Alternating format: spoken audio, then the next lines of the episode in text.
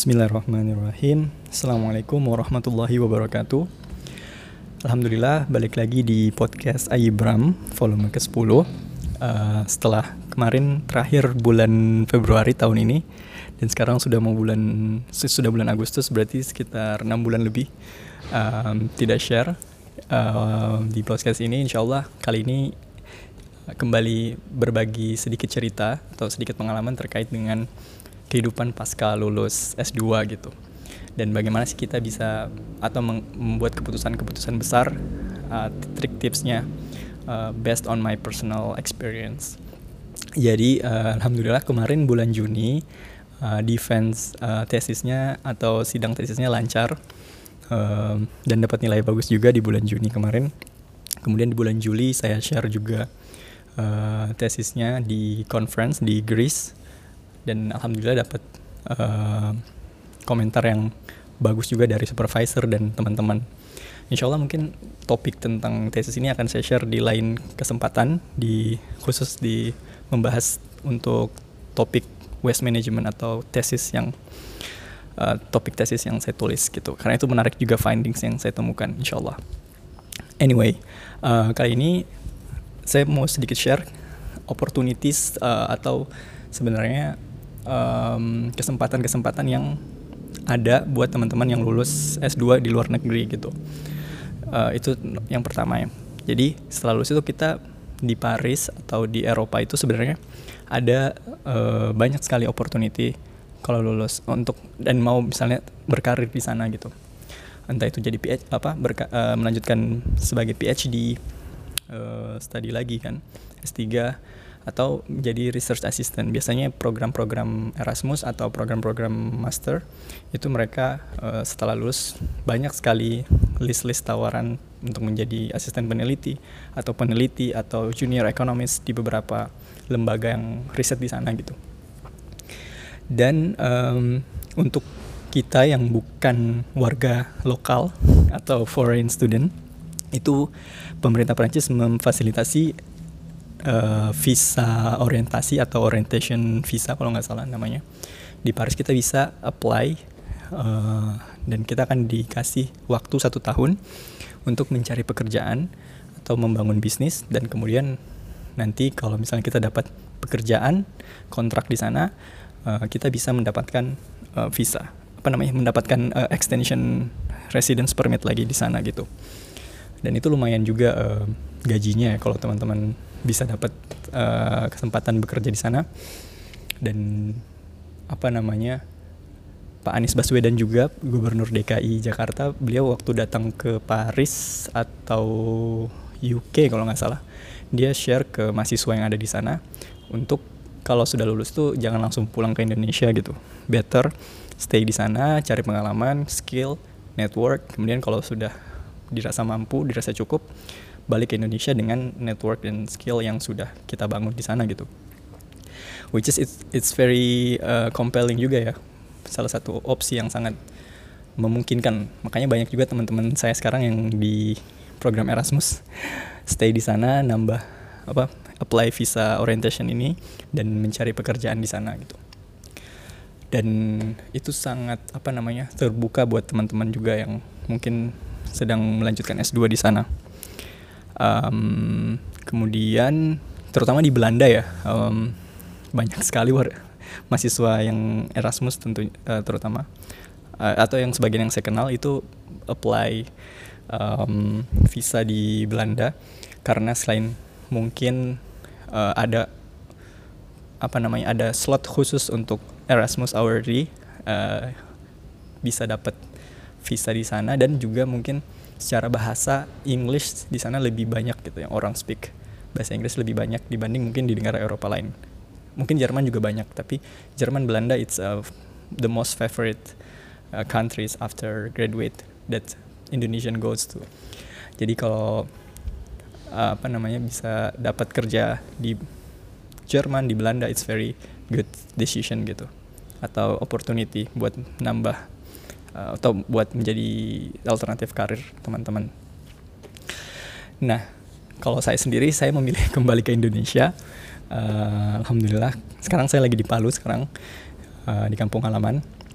um, melanjutkan yang sebelumnya saya bangun sebelum S2 juga sambil um, mencari opportunity baru di lembaga think tank, uh, NGO dan juga um, beberapa universitas. Banyak sekali juga opportunity ya teman-teman di Indonesia. Tidak kalah jauh. Walaupun secara salary mungkin lebih rendah um, atau secara apa namanya keilmuan mungkin tidak begitu dipakai ya.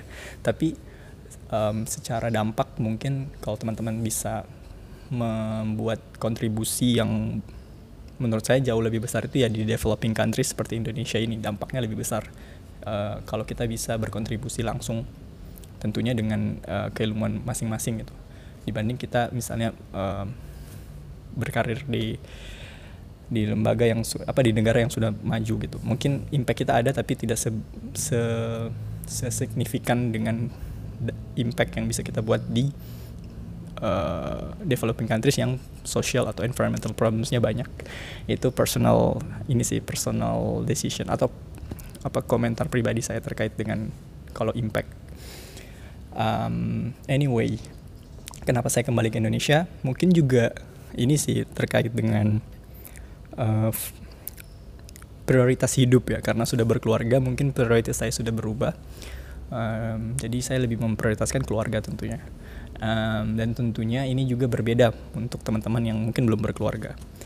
Jadi um, dan juga kesempatan untuk bisa dekat dengan uh, orang tua dan hidup di negara muslim. Itu salah satu personal apa namanya personal value saya gitu. Makanya saya tidak mengambil kesempatan untuk PhD lagi di sana di Paris. Walaupun banyak sekali uh, tawaran dari profesor saya tidak ambil karena saya butuh break juga dari dunia akademik. Selain itu juga ingin kembali berkeluar apa kembali dekat dengan keluarga gitu nah itu sih banyak sekali alternatif uh, banyak sekali pilihan kesempatan teman-teman bisa dapatkan setelah lulus nah pertanyaannya adalah kalau kita sampai overwhelmed dengan banyaknya keputusan biasanya kita bingung kan dan akhirnya tidak mengambil keputusan apa-apa. Nah, berdasarkan pengalaman saya mungkin yang ingin saya share, kita harus punya yang namanya um, moral kompas atau um, values yang kita hidup dengan values itu gitu. Ini kemarin saya juga sempat share ya di di blog kalau nggak salah uh, tentang standar kebaikan. Ini jadi kayak serinya Ustadz Nuzul Zikri lagi ya. Karena um, itu penting juga ya kita punya standar kebaikan itu kita ambil dari siapa.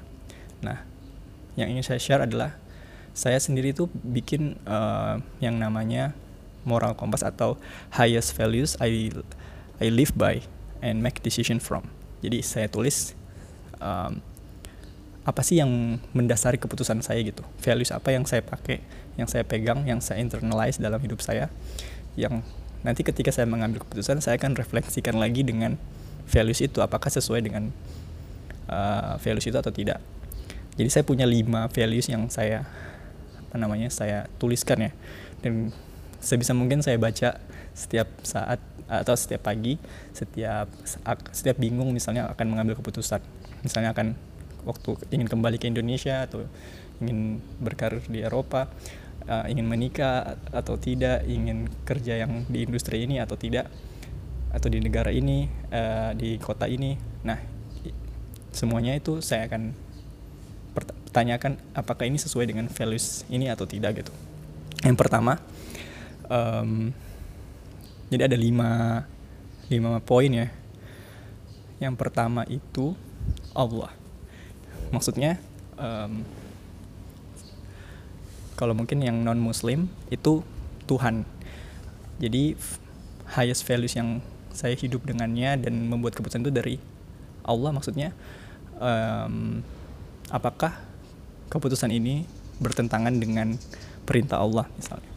Um, apakah justru kalau saya bekerja di industri ini justru uh, tidak apa namanya justru menjauhkan saya dari Allah atau tidak uh, membuat maksiat atau tidak. Jadi itu penting sih. Um, nomor satu no, my top priority adalah Allah. Yang kedua Rasulnya atau Rasulullah SAW apakah ini sesuai dengan sunnahnya uh, atau tidak? Kalau misalnya uh, tadi nomor satu sudah ya nomor duanya ya atau tidak. Um, apakah ini bertentangan dengan sunnah Rasul SAW atau tidak? Itu yang nomor kedua. Dan nomor ketiga family. Um, kalau nomor satu duanya oke okay, nomor tiga family apakah ini um, bermanfaat untuk uh, keluarga? Atau saya bisa berbuat uh, dan dekat dengan keluarga atau tidak? Nah itu sih uh, yang ke kemudian keempat kontribusi. Kontribusinya lebih besar ke masyarakat atau tidak uh, dan kemudian berapa banyak orang yang bisa saya bantu berapa banyak kontribusi uh, jika saya ambil keputusan ini gitu. Ini salah satu apa namanya yang baru saya tulis juga ya. Nomor 4 dan nomor 5 itu uh, my personal happiness. Uh, jadi apakah keputusan ini saya happy atau tidak. Jadi paling bawah itu my own personal physical emotional. Jadi saya mendahulukan nomor 1 2 3 4 dulu sebelum nomor 5 teman-teman bisa uh, memprioritas apa namanya mengcustomize ini. Mungkin merasa nomor 5 itu yang paling penting atau personal apa namanya emotional atau physical apa namanya healthinessnya itu dia prioritaskan boleh saja. Tapi sebagai muslim tentunya uh, sebagai pedoman hidup kita tentunya Al-Quran yaitu Allah dan Rasulnya yang harusnya menjadi pedoman atau uh, moral kompas kita gitu.